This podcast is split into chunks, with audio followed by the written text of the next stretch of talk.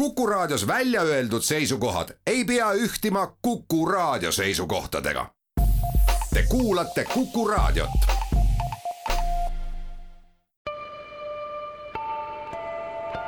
ilmaparandaja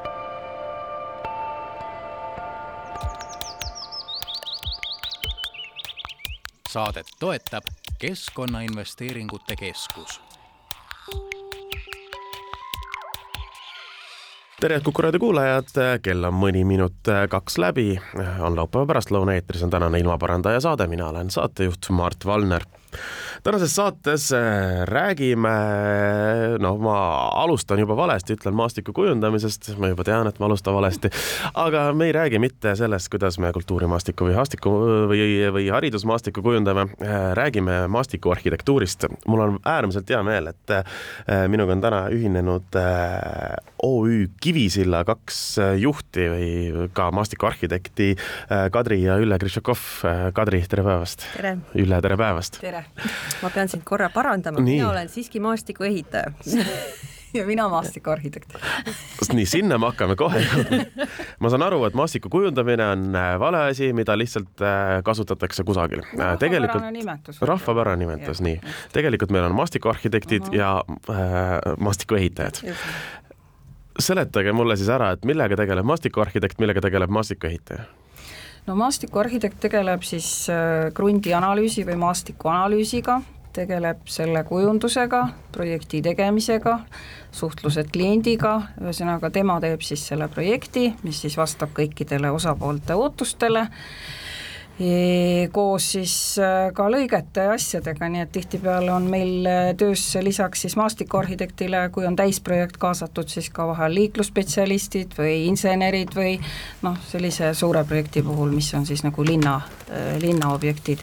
ja nüüd, kui siis see projekt on valmis ja linn või üksikisik siis plaanib selle rajamist, siis äh, kutsutakse või korraldatakse siis konkurss või kutsutakse konkreetne firma, kes kes teeb siis hinnapakkumisele selle projektile ja nemad alustavad siis rajamist. Ja just nüüd vana nimi on, ütleme, võib-olla rohkem levinud, on haljastaja, aga noh, tänapäeva maastik ei ole enam alati ainult haljastus, siia kuuluvad, nagu ma ka enne ütlesin, teed näiteks, müürid, veekogud, igasugused ehitused. Ja nüüd just see nimi, nimi maastikuehitaja, ta on ikkagi suurel osal ehitaja, aga ta oskab teha ka kõiki rohelisi töid sinna juurde ühesõnaga, siit tuleb see suur-suur projekt mm -hmm. ja mille, mille teie teete valmis, siis te annate selle Kadrile üle no Ütled, ütleme, kui me oma firmas teeme, siis nii küll jah ja. no vahepeal on ikka hinna, hinnapakkumine ka kliendile loomulikult, kuskil on see klient ka vahel, nii, ja mhm. siis maastikuehitaja võtab selle projekti üle ja Just. üritab aru saada, kas see on päriselus ka võimalik reaalselt teostada no ütleme niimoodi, meie firmas, kuna me oleme ikkagi väga pikalt juba nii projekteerinud kui rajanud, meil on see kogemus olemas, mis toimib, mis ei toimi.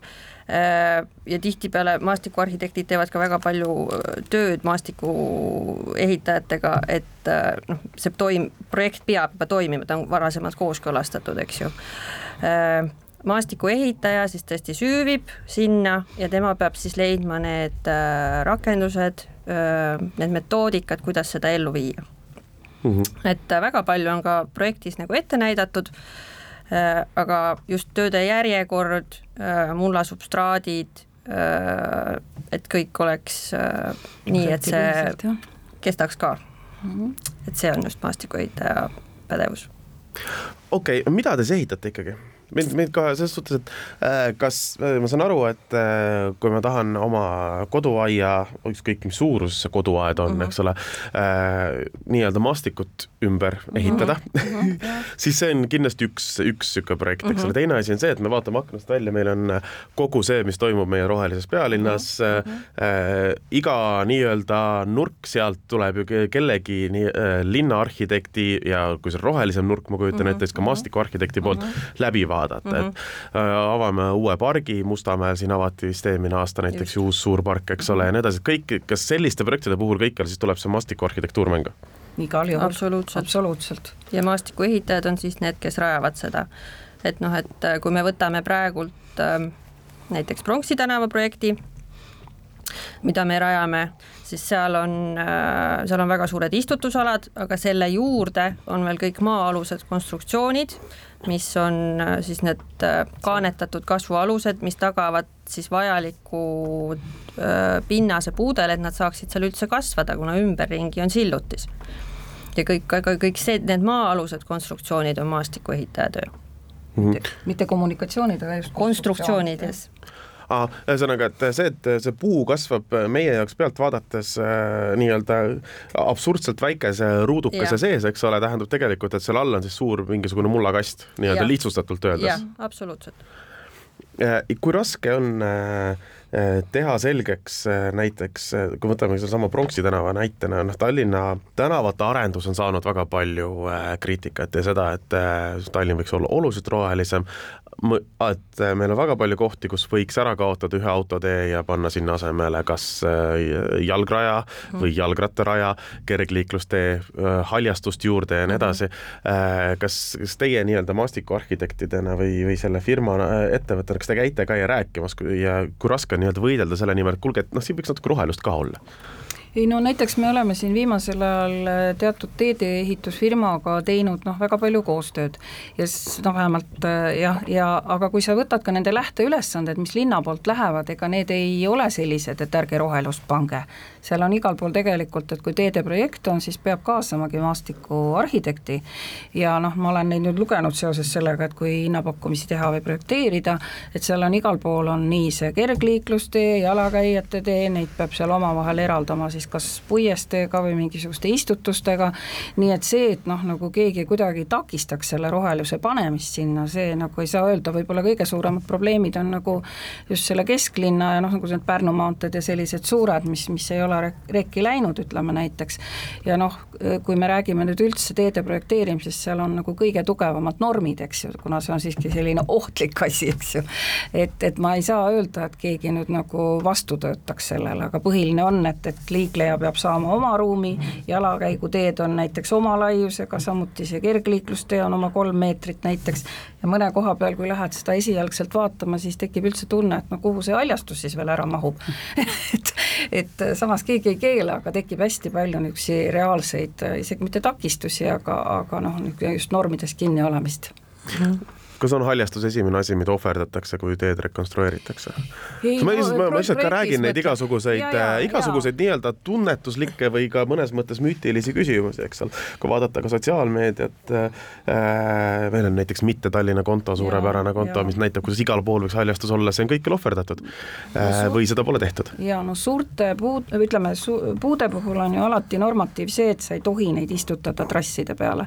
see on nüüd ka tegelikult selle pronksi näide mm, -hmm. et kui teha tehakse nagu teedes suurt absoluutset rekki, siis see tähendab kõikide trasside ümbertõstmist, et tekiks üldse selline ruum, kuhu saab istutada, ütleme põõsa sa võid veel mingi trassi peale istutada, aga suuri puid, kuna nende juba see istutusala sügavus ulatub no, ikka meeter ja rohkem, siis neid ei saa, nii et noh, see on tihtipeale see probleem, mida nagu ära unustatakse, et et kui siin noh, ainult neid, kellele ei meeldi need punased, eks ju, jalgratta jooned, eks ju, siis vähemalt leitakse nagu võimalus, kuidas sellest siis niimoodi kiirkorras üle saada, aga see eeldaks näiteks ka Pärnu maantee puhul täielikku rekonstrueerimist kogu trasside ümbertõstmisega. ja noh, seal taga on ka alati rahad, sest ütleme, üks asi on kuskile mingi põõsas kükitada või panna mingi pott vahele, aga teine asi on ikkagi kogu see, kõik need gaasid ja veed ja kanalid ja jumal teab, mis seal maa all veel on, tõsta nii ümber, et sa saad neid puid istutada et see vajaks nagu väga süsteemset ja analüüsitud lähen-, lähenemist, et et kõik need teed saaksid tõesti roheliseks, et äh, rohelisemaks, rohelisemaks jah, et, äh, et see kahjuks jah, tore on, on äh, teha selle pildi, kus ma panen need lilled ja puud ja põõsad sinna ja seal on kaks poolt, üks, kas on võimalik, aga teine pool on ka see, et kas ta kasvab seal ja teda peab pärast hooldama. ja see, see tihtipeale nagu unustatakse ära kuna on niisugune mulje, et noh, et loodus on ju nii loomulik, aga linnas ta kahjuks nagu, kahjuks või õnneks vajab hooldust ja väga tugevat hooldust. Ja iseenesest noh, ka need normid, et kui suuri puid sa linna pead istutama ja noh, see kõik on nagu hästi paigas tegelikult, et aga jah, noh tihtipeale on näha see, et istutatakse mingisugune pargiosa või, või või ka noh, tänava puude puhul ma ei ole nagu näinud, sest praegult on ka see, et kui maastikuehitaja võtab omale vastutuse selle mm, haljastuse rajamise eest, siis neil on tavaliselt kohe lepingusse vähemalt kaks aastat garantiid. Mm, -hmm võib-olla oled ka näinud neid toredaid rohelisi kotte siis puude kõrval, eks ju, mida siis tuleks täita, nii et ühesõnaga, see on nagu asjast natuke edasiminek, et see hooldus on siiski nagu seotud just selle rajajaga, sest noh, muidu tekib alati see probleem, et ühed rajavad, teised hooldavad, siis üks ütleb täpselt nii, et sina istutasid halvasti, teine ütleb, sina kastsid vähe, no et see on nagu selle natukene võtab maha võib-olla selle teema. no aga kaks aastat on ju, ütleme, võtame nüüd ühe puu eluaja, eks ole, või, või eh, see ütleme ka linna rohelus tulemuse, mida me tahaksime saavutada, et noh, see kaks aastat garantiid on niisugune naljanumber, tundub mulle, see on tõesti see, et nagu ma tõesti noh, kui ma olen vale puu istutanud, siis ma kahe aasta jooksul pean välja vahetama, aga aga, aga hooldama peab nende eest ju pikemalt, ma kujutan ette. no üldiselt jah, aga selline kastmine, konkreetne mm -hmm. kastmine, et noor puu saaks juurduda ja siis sel juhul tal on juba endal elujõudu, et ega, edasi eksisteerida. aga tänavapuude puhul on muidugi ka igasugused arboristitööd, lõikamised, võra kujundamised ja muidugi väga noh, tõesti, kui meid nüüd tabavad need kliima kliimamuutused nii, et, et on väga pikad põuaperioodid, siis muidugi tuleb ka hiljem kasta. aga ka koduaia puhul on täitsa tavaline, et sa esimesed paar aastat siis nagu hooldad, kui nad on juurdunud, no nagu beebiga, algul rohkem vaeva, pärast natuke vähem. aga kasvatama pead ikka kahekümne aastaselt aga noh, see ei tähenda seda, et see nagu see hoolduse osa mingi probleem on, aga lihtsalt äh, sellele tuleb mõelda Mm -hmm. et lihtne on öelda, et teeme, aga, aga selle tegemise ümber on veel ka väga palju muid aspekte, mille, millega tuleb arvestada ühesõnaga, ma saan aru, et äh, pildi peal, noh loomulikult on pildi peal oluliselt lihtsam puit panna, kui neid äh, päriselt äh, kuhugi linnaruumi, aga erinevatel siis ka põhjustel, mis puudutavad ka seda, mis on seal nii-öelda maa all, eks ole mm, -hmm. ei olegi lihtsalt võimalik panna igale poole seda rohelust, nii nagu me väga paljud linnaplaneerijad reaalsuses tegelikult tahaksid, nagu ka teie võib-olla kindlasti tahaksite. no sageli ei saa jah, sellepärast et kui noh, ütleme trassid ka välja jätta, mis on tegelikult põhiline sest kui me nüüd tee juurest korra läheme kas või ütleme, kinnisvaraarendustele, siis seal on ka, et kui sa suudad sellel ajal, kui maja projekteeritakse, ohjata ka neid trassipanejaid, sest neil on niisugune tunne, et kuidas see arvuti sinna selle kriipsu paneb, nii läheb ja lõpuks, kui sa paned kõik need kujad nendele trassidele, siis jäävad sulle mingid õnnetud kolmnurgad. nii et noh, selle poolest äh, on trass üks esimene asi, noh, mis, mis piirab, aga teine on just needsamad teede laiused, mis on siiski normidega mm -hmm. kehtestatud, et, vähemalt üks sõidurida peab kindlasti kolm olema, kui tee on kahepoolne, siis näiteks kuus meetrit, siis seesama kolm meetrit sellele kergliiklusteele, jalakäiguteed. Ja kui sa võtad praegult, vaatadki seda Pärnu maanteed, siis jääbki üle võib-olla nii, et seal on üldse üks sõidusuund, kui me tahame seda nüüd hästi roheliseks ja hästi inimkeskseks teha, mul ei ole selle vastu mitte midagi, aga aga kuidagi tuleb see konsensus leida ka nende erinevate liikumis äh, harrastavate linnakodanike vahel ja kindlasti ma äh, arvan omalt poolt muidugi, et see niisugune hea ja tugev ähm, ühistransporditeenus aitaks kindlasti hoida kokku oluliselt ja, äh, palju, palju autosid. Äh, see läheb nüüd natuke teistsuguse liiklusplaneerimise alla. jah, liiklusest selles mõttes räägime tänava haljastusest, aga liiklus jah, ei ole päris, need... puutume sellega kokku, aga me ei ole eksperdid. näiteks Barcelonas on väga hea näide, kus neil on niisugune projekt nagu superblock plan, kus siis ühes linnaosas ongi tehtud äh, teatud tänavad äh, täiesti inim, inimkeskseteks tänavateks, seal on hästi palju rohelust, hästi palju haljastust, äh, kohad, kus inimesed saavad olla, jalutada ja liiklus on tõesti üherealine, piirkiirus on kümme kilomeetrit tunnis ja saavad siis siseneda ainult tõesti need autod, kellel on seal kohapeal kas ärid või, või elavad, et noh, et see on hädavajalik et võib noh, seda üleüldisemat linna mm, kujundust või planeerimist siis haljastuse mõistes tuleks äh, käsitleda hoopis äh, suuremana kui see, et äh, näed, siin on tühi nurk, paneme siia nüüd midagi. absoluutselt nõus. kui ma ei eksi, siis Genf vist üks Šveitsi linn, oli see Šveitsi linn, kus on juba kas sajandi algusest kohustus, et iga lamekatusega maja, selle peal peab olema roheala. absoluutselt kas... see on ka Saksamaal olnud väga pikalt. aga miks meil Eestis seda ei ole, kas seda oleks, kas meil on võimalik teha lamekatusega majadele rohealad katusega? teema on väga pikalt üleval olnud ja me oleme ka neid projekteerinud, isegi mitte üksi projekteerinud, vaid rajanud ka, eriti esimesena olid need kukeharja katused, mis kõige vähem nõuavad, ütleme, mullapinda, eks ju, nad on kõige kergemad ja no ütleme näiteks, me toome siis nüüd selle välismaa näite, olgu see siis Genf või olgu see siis Saksamaa, siis eelkõige pandi, ütleme isegi niisugustele mm, kortermaja piirkondade abihoonetele, eks ju, mis asusid tegelikult allpool nendest akentest, et siis tekiks ilusad niisugused rohelised pinnad. aga noh, üks on visuaalne ilu ja teine on ikkagi tema see mõte, et ta korjab ka vihmavett, eks ju, et seda niiskust.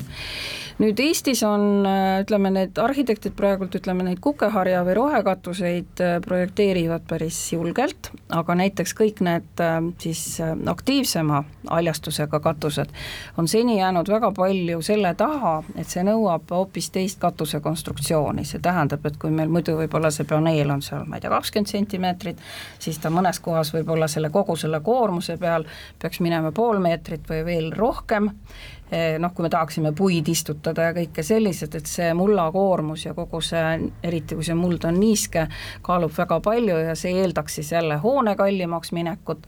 Ja praegusel hetkel eelistatakse siis pigem nii, et tuuakse sinna mingeid kaste, eks ju, joonistatakse noh, kinnisvaramüüjaid ilusaid pilte, kus uhked toolid on seal ja toredad sirvid, aga, aga jah, praegult ma ei oskagi öelda, kas, kas mõni eh, Eestimaal mõni katus on päris niisuguse täis äh, täis sellise puudega suudetud haljastada, mul ei tule küll meelde.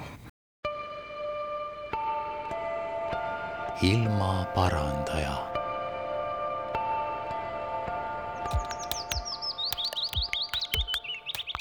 saadet toetab Keskkonnainvesteeringute Keskus jätkame ilmaparandaja saadet, mina saatejuht Mart Valner ja minuga täna stuudios äh, maastikuehitaja Kadri Krišakov ja maastikuarhitekt Ülle Krišakov. No kui me tõesti juba natuke sellest linnaplaneerimisest ja kõigest sellest äh, oleme, olemegi liikunud selle oma kodu ja oma asjade juurde, siis äh, äh kindlasti väga suur osa inimesi on neid, kes tõesti tahavadki oma koduaeda näiteks siis Planeerida. kuidagi ilusaks äh, ilusa arhitektuuriga, ilusa maastiku, maastikuga teha sinna, see sõltub vist aia, aia suurusest äh,, mõnda kohta saabki öelda, et pange siia kolm potti ja noh, see aed on täis.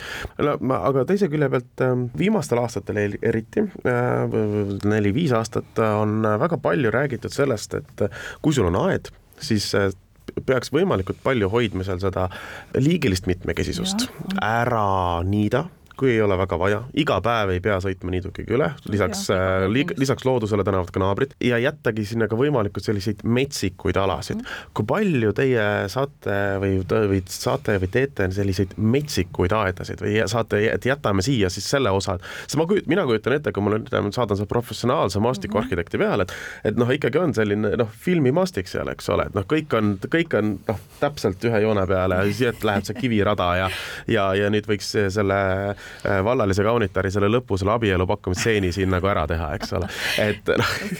nojah, aga tegelikult ju kui sa vaatad ka kogu pargi ja ütleme, kui me aiast nagu võtame laiemalt, et kogu stiilide värk on ju palju laiem, eks ju, et, et inimesed võivadki teha loodusläheda, looduslähedase aia, võivad teha seal barokse aia selles mõttes, et on palju pügatud elemente ja kõik on regulaarne, võivad teha inglise aia, võivad teha Jaapani aia, mis iganes, eks ju, neid stiile on väga palju, nii nagu inimene noh, on erinev mõni, kes äh, nüüd viimasel ajal, eks ju, paneb suuremat rõhku võib-olla ka selle mm, aia sisekasvatamisele, mingid kasvuhooned ja muud sellised asjad.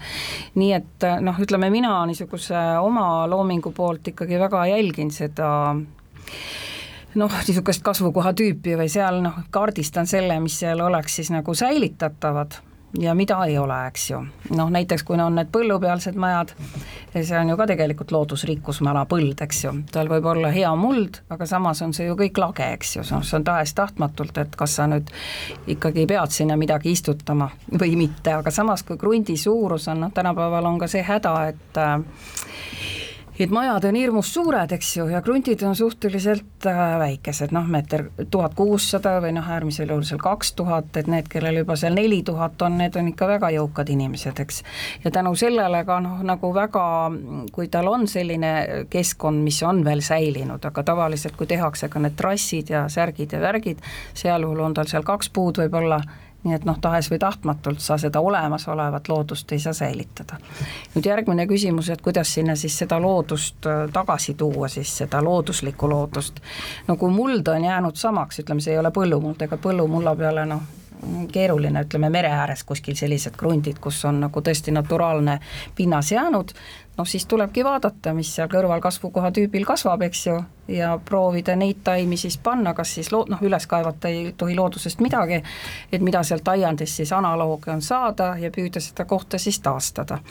aga noh, kui ma sulle ausalt ütlen, siis on muidugi nende suurte kruntide omanikud osad, kes tõesti tahaksid jätta pool krunti siis selliseks, nagu ta eos on, kas ta siis on mingisugune soovikumets või palumets või, või kuuse, männimets näiteks, aga, aga kellel on ikkagi väiksemad krundid, siis äh, kahjuks inimesed äh, jah, siiski soovivad seda nagu ratsionaalsemalt kasutada, sest noh, kui ma sulle räägin, et teeme sinna nüüd lilleniidu, siis noh, selle lilleniidu sees sa võid ju ka joosta, aga noh, samas äh, ütleme, seal palli sa mängida ei saa, peenraid sa sinna otseselt teha ei saa, nii et ütleme, sinnani on veel nagu, nagu inimestel jõuda vähemalt oma kodu ja no ja aru, arusaam ka sellest, mis on ilus taim näiteks, eks ju, võib-olla mõne jaoks on horteensia, paljude jaoks on roosid, no võib-olla see karikakar ei ole tema jaoks nii ilus, eks ju, noh, tal on õigus valida oma aeda, mida ta siis nüüd tahaks seal rohkem näha. Nii et ma ütlen, et on suurte kruntide omanikke, kus ma seda täiesti pakun, kui eriti on tegemist niisuguse männimetsa aluse või ilusa krundiga, et teeme maja ümbruse nüüd nagu natukene sellise korralikuma, ütleme selles tähenduses, ja jätame siis osa nagu looduslikuks. Ja see on väga tore, kui sellise krundi omanikul selline soov on, sest noh, kõike lagedaks raiuda on täitsa karm täiesti nõus ja ma ütleks, et ka suuresti ebavajalik. aga ütleme, et ikkagi see krundi muutmine nüüd plaani tuleb, äh, noh, Kadri, teie lähete ehitama mm, -hmm. kas on võimalik kuidagi ka pakkuda seda, et teeks seda kuidagi ikka keskkonnasõbralikumalt või, või noh, meil on, meil on mingisugused, äh, teil on alati kindlasti on võimalik materjalide valikus teha või täpselt samade taimede valikus või, äh, või, või mingisuguse võtte valikus, mida saaks kuidagi teha nii-öelda paremini, et meil oleks asjad keskkonnasõbralikumad? absoluutselt, äh, noh, nii palju peab ütlema, et tavaliselt materjalid ja taimed tulevad juba arhitekti joonisest, et äh, mina selles mõttes projekti järgi käida, täidan käsku, aga aga mm, võtete koha pealt noh, näiteks muld on väga oluline maavara.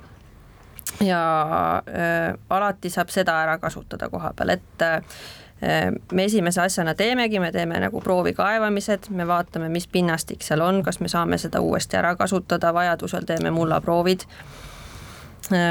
et see on nagu üks niisugune suur osa, mida ei tasu niimoodi edasi-tagasi kantida, kuna noh, on näha ka, et, et tegelikult haljastuses on mõnes mõttes mullapuudus Äh, et äh, kui me siin suvel rajame aedu, et siis on kogu aeg see teema, et noh, et kust nüüd kooritakse, kust nüüd saaks seda mulda. Juurde.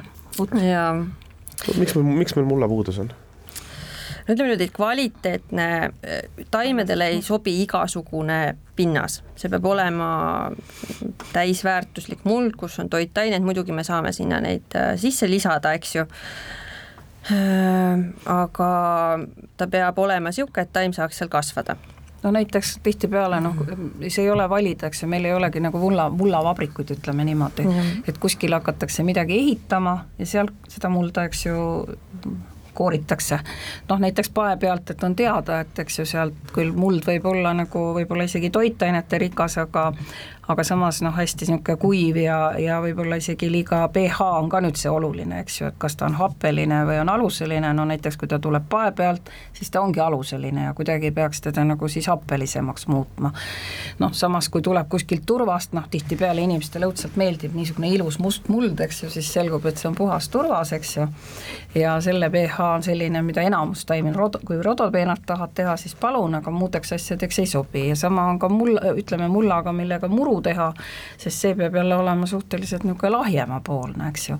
nii et noh, meie häda on lihtsalt see, et praegult ka nende uute tehnikatega siin mõned tahavad, mõnes projektis on nagu nõutud mingite kasvukohatüüpide mitte taastamist, vaid nagu isegi noh, nagu illustreerimist selles mõttes, et noh, vaatame seda, ehitame sinna, et noh, vot seda spetsiaalse mulla saamist just sellisele mm, taimestiku tüübile, noh näiteks, mis kasvab kuskil loo peal seal näiteks looduslikult, on nagu väga keeruline. Eesti tingimustes, Eesti tingimustes jah, et muidugi, kui sa lähed sinna kuskile aianduspoodi, seal seda kotimulda sa võid ju osta roosidele, mis on nagu väetatud ja mis on ka kõik tehtud tegelikult turba baasil, eks ju.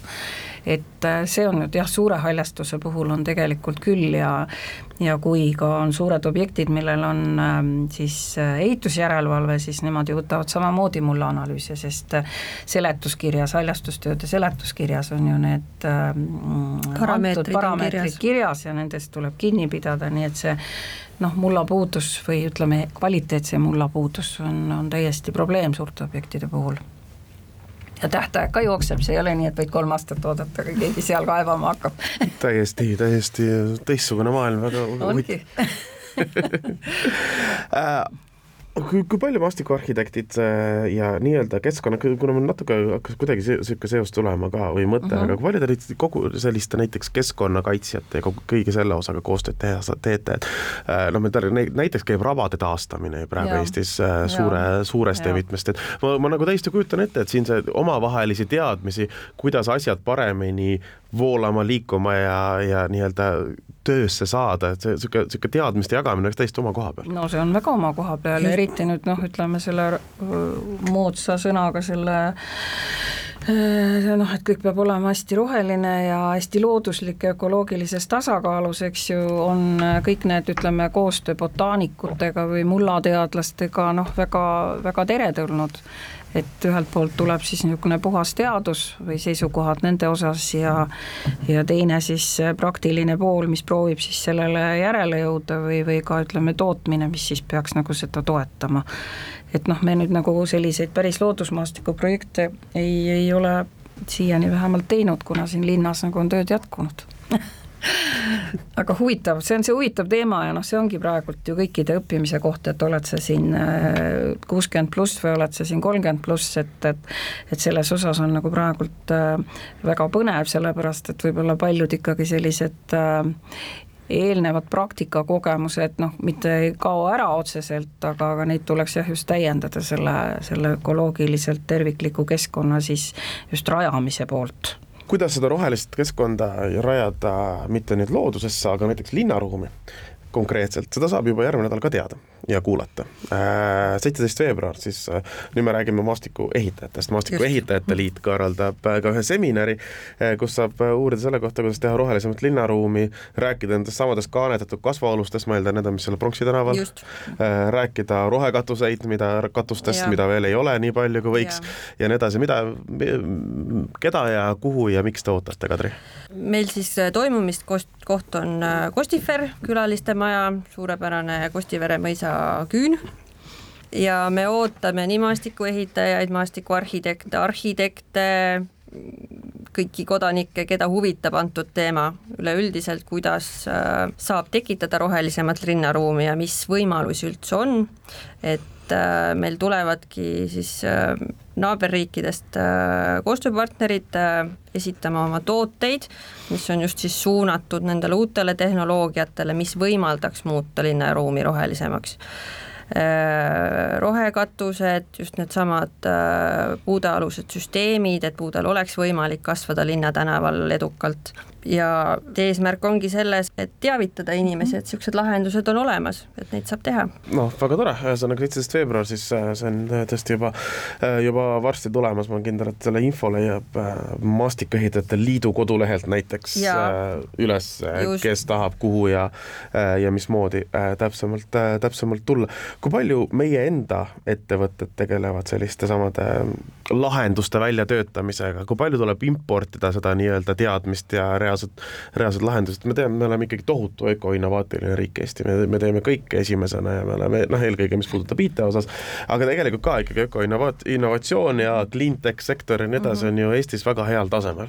kui palju meil on niisuguse maastikuarhitektuuri innovatsiooniriigina ka oleme me kuskil?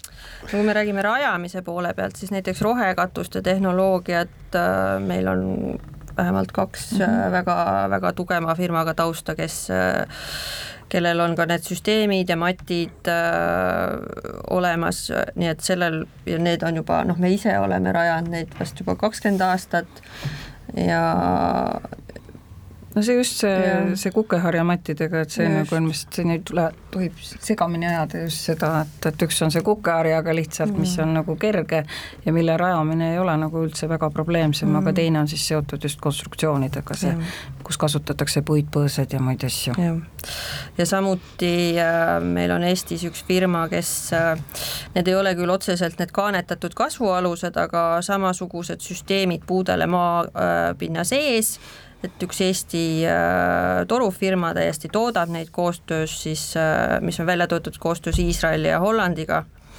et äh, käisime just nende tehast vaatamas ja väga mm, hea projekt, väga niisugune innovaatiline, mida saab igatpidi modifitseerida vastavalt vajadusele, nii et äh, võib öelda küll, et, äh, et ka Eesti on selles osas innovaatiline, jah. aga väga huvitav, väga põnev, kes tahab maastikuarhitektide, maastikuehitajate kohta rohkem uurida, saab tõesti kas Maastikuehitajate Liidu kodulehele minna.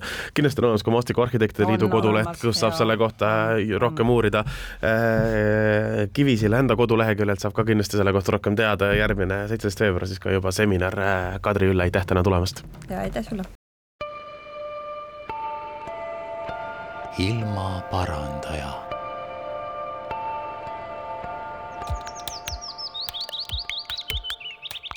saadet toetab Keskkonnainvesteeringute Keskus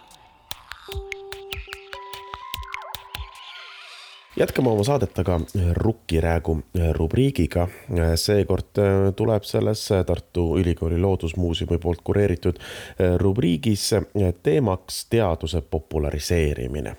vestlust juhib Carlota Põdra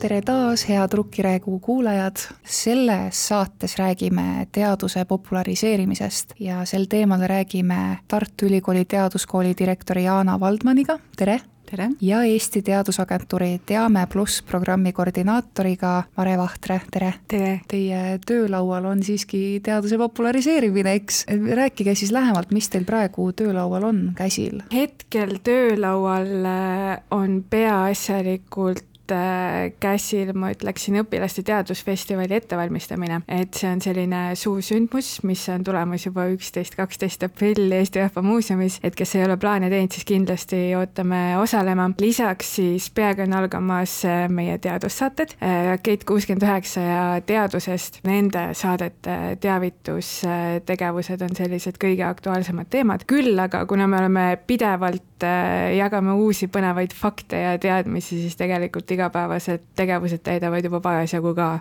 töölauda. no meil on kohe-kohe tulemas keemiaolümpiaad ja siis on kohe-kohe tulemas bioloogiaolümpiaad ja avasime uued kursused jaanuaris, aga ma tahaksin reklaami teha sellisele õppepäevale nagu matemaatika panganduses, mida me teeme koostöös äh, Swedbankaga ja selle asja eesmärk ongi, et populariseerida matemaatikat ja näidata õpilastele võimalusi, et kui sa õpid matemaatikat, et kuhu sa saad siis edaspidi tööle minna. jätke siis need kuupäevad meelde, aga räägime natuke lähemalt, mida üldse tähendab teaduse populariseerimine? teaduse populariseerimine selle kõige laiemas võtmes ongi teadustulemuste viimine ühiskonda ja ma võib-olla lisaksin siia juurde ka selle, et tegelikult ei ole olulised ainult need uued tulemused, oluline on ka enda teadmiste värskendamine, näiteks ma arvan, Covid pandeemia oli üks sellistest perioodidest, kus päris paljud ikkagi võtsid äh, lahti erinevad õppeportaalid ja vaatasid, mis asjad need äh, viirused üldse on, kuidas nad töötavad, mis on üldse erinevad viirused, kuidas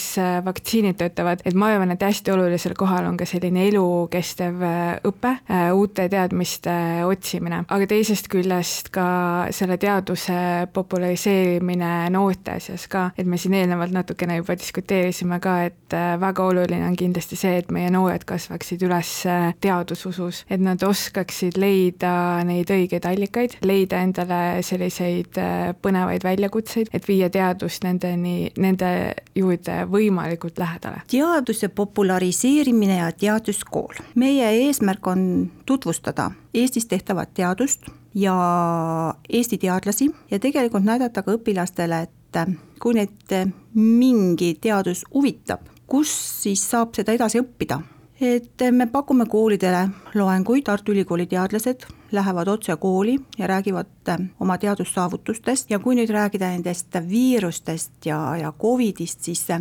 Loodusteadusliku Hariduse Keskuses on meil ka käsil praegu üks selline tõejärgsuse projekt, see on rahvusvaheline projekt, et seal osalevad äh, siis nii Eesti, Rootsi, Portugal kui Kreeta, et seal meil on ka just välja töötatud üks viiruse moodul, kus me siis tahame õpilastele just näidata, et kust ja kuidas kujunevad välja need väärteadmised ja kuidas nende väärteadmiste vastu võidelda kuna teie mõlema töö on ikkagi seotud rohkem noortega, õpilastega, siis sõnastakski selle järgmise küsimuse niimoodi, et miks on vaja teadust populariseerida noortele? ma võib-olla eelmise sellise mõttelõnga lõpuks tooksin selle ka välja, et minu meelest on hästi oluline just see, et meil olekski erinevatele sihtgruppidele erinevad võimalused, see toob järgmise selle küsimuse juurde nüüd, et kui me räägime noortest, siis ma arvan, et Eesti Teadusagentuur ja miks.ee platvorm on pigem see koht, kes soovib jõuda noorteni, et tekitada seda esmast huvi, anda see esimene maitse sinna suhu. Ja kui me räägime noortest, kes ei ole ise teadusest huvitatud, sest me ei saa arvata, et kõik on teadusest kohe meeletult huvitatud, siis selliste noorte jaoks ongi oluline, et me oleksime seal sotsmeediakanalites, kus need täna on, näiteks viimasel ajal TikTok on selline hea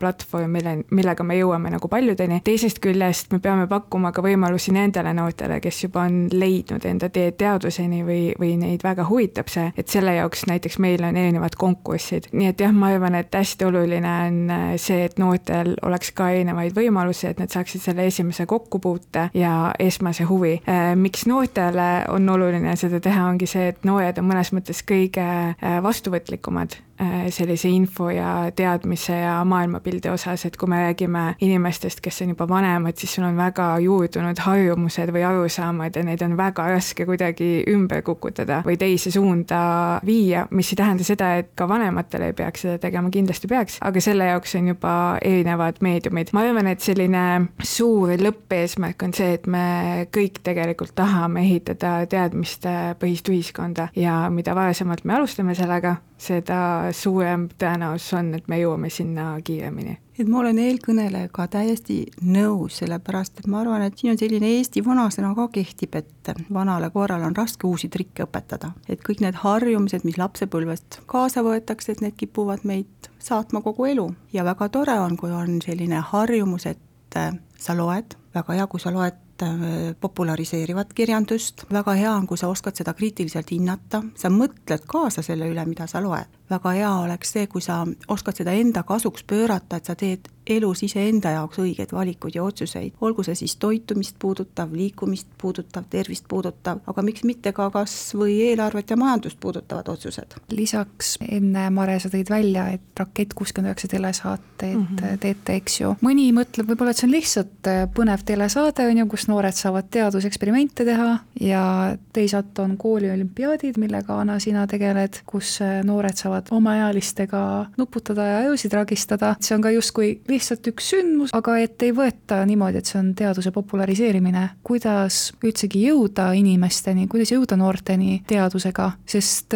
sõna teadus ise võib olla väga hirmutav ja hoopiski vastupidiselt peletab eemale, kui et haarab tähelepanu. mulle tundub, et äh, sõna teadusega inimesele tekib selline assotsiatsioon, et nii raske ja keeruline, siis sa pead õppima kümme aastat, et laborisse saada ja eks ole, muidugi raske, aga samamoodi on ju keeruline õppida keevitajaks või, või IT-ga, IT on ju tegelikult hästi populaarne Eestis, aga see ei tähenda, et see oleks lihtne. teisest küljest mulle see matemaatika, minu jaoks on matemaatikaga seostub alati selline veider nagu situatsioon, et mulle tundub, et matemaatika on õppeaine, mille osas noortel on negatiivsed emotsioonid enne, kui nad õppeklassis sisse astuvadki, sest kõik räägivad, et see on nii raske ja keeruline ja mõnes mõttes ei antagi sellele võimalust. mulle matemaatika näiteks väga meeldis, sellepärast ma kogu aeg räägin seda, seda lugu, et äh, ei pea kartma, ei tohi karta, kui sa lähedki ükskõik millele vastu selliselt, et see on nii raske ja keeruline, ma ei saa hakkama, siis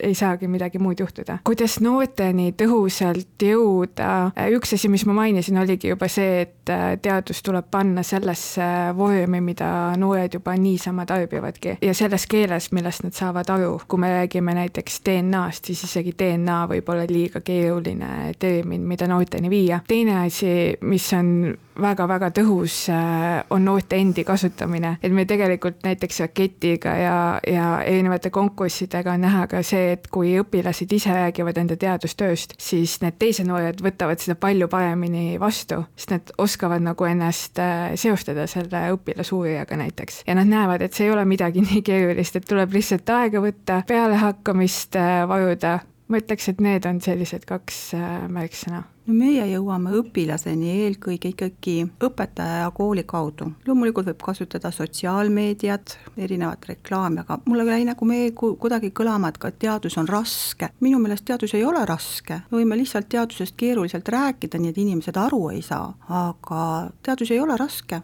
teadus võib, äh, neid samu asju võib seletada päris lihtsas keeles ja kujundlikult, nii et igaüks saab aru. keegi tark ütles niimoodi, et sa saad asjast hästi aru siis, kui sa oskad seda väga lihtsalt sõnadesse panna mm. -hmm. jaa, ma usun küll, see tähendabki see, et sa pead leidma üles need õiged inimesed, kelle kaudu sa siis seda infot õpilasteni viid. loomulikult on selleks väga hea, kui me saame kasutada Noored Noortele liikumisi, aga ma tean päris palju teadlasi, kes oskavad oma erialast rääkida väga lihtsalt ja arusaadavalt. tuleb aru saada, mis on ka noorte enda huvid, sest teadus ju polegi ainult matemaatika või loodusteadused, on ju ka humanitaarteadused ja sotsiaalteadused. teadus ongi see, mis aitab meil vastata küsimustele, miks ja kui sa vaatad seda väikest last, kahe-kolmeaastast, siis minu meelest ta jõuab sulle päeva jooksul sada miks küsimust esitada. aga kellel muidu on õigust ja pädevust üldsegi teadust populariseerida, sest nagu me teame, päris palju valeinfot levib. jah, ja kahjuks me ju teame ka seda, et vahest on selle väärinfo levitajateks teadlased. et siia me ju, siin me jõuamegi siis selleni ka, et, et kas see tea-, need faktid ja see on kontrollitud, kust on võetud see info, mida räägitakse. kas see on suunatud tellija rahastusega tehtud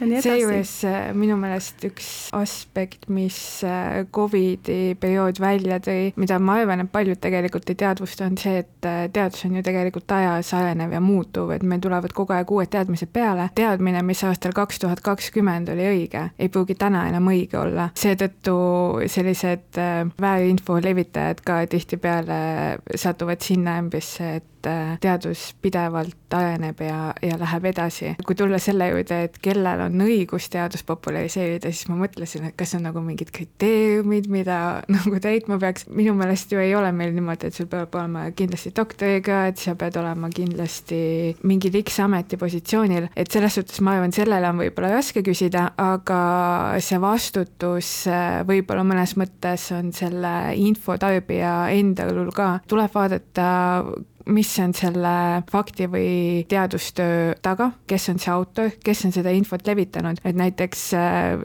tavalisele meediatarbijale ma arvan, kõige lihtsam ongi jälgida ülikoolide kanaleid, ülikoolide teadustöid. Ja tegelikult Eesti Teadusagentuur on ka ju ikkagi täitsa pädev asutus ja organisatsioon, mis äh, vahendab ju Eesti teadusuudiseid. tuleb vaadata, mis on selle kanali taga ja kes seal taga on ma haaraks su sõnasabast kinni, et just ka tavainimesel endal võib see vastutus olla. meil on ju harrastusteadus, kus inimene saab ise panustada, näiteks eh, meie korraldame iga aasta Loodusfestivali ja Loodusfestivali raames on üks suur sündmus, loodusvaatluste maraton, kus siis inimesed saavad kahekümne nelja tunni jooksul vaadelda erinevaid liike ja mm -hmm see üks pilt võib juba nii suure panuse anda teadusesse, see kergendab teadlaste enda tööd, kui on vaja analüüse teha ja lisaks ka inimene ise õpib loodust tundma. Ja tegelikult, äh, kui me vaatame, mis mujal maailmas toimub teaduse populariseerimise maastikul, siis just äh, kodanikuteadus on see suund, kuhu hakatakse järjest rohkem liikuma, et äh, see toob välja just selle aspekti ka, et et äh, me peame inimestena ka kogu aeg enda teadmisi värskendama ja teadust viima ka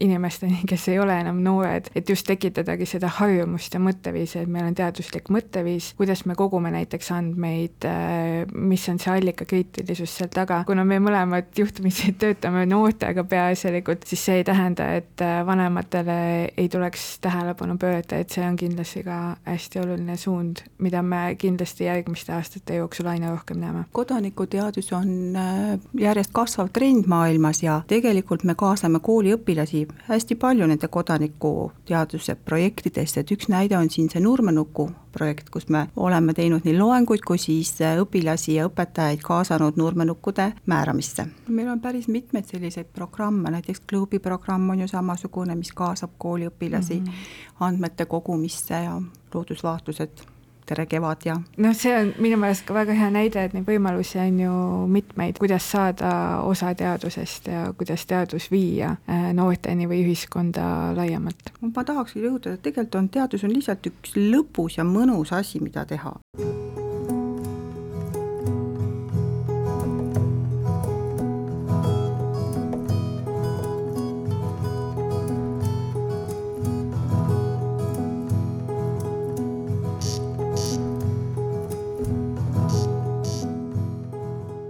Selline oligi tänane ilmaparandaja saade. loodan, et teil oli seda sama põnev kuulata, kui minul seda teha ja kokku panna. ilmaparandaja ise on eetris jälle natuke vähem kui nädala aja pärast, aga ärge selle nädala jooksul ka unustage enda ümber ringi vaadata, et leida viise, kuidas ilma parandada. saatejuht oli täna Mart Valner. ilmaparandaja